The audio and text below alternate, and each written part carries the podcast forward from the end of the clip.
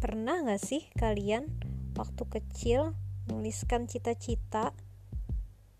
Pernah gak kepikir sekarang kalian bekerja sesuai dengan cita-cita kalian?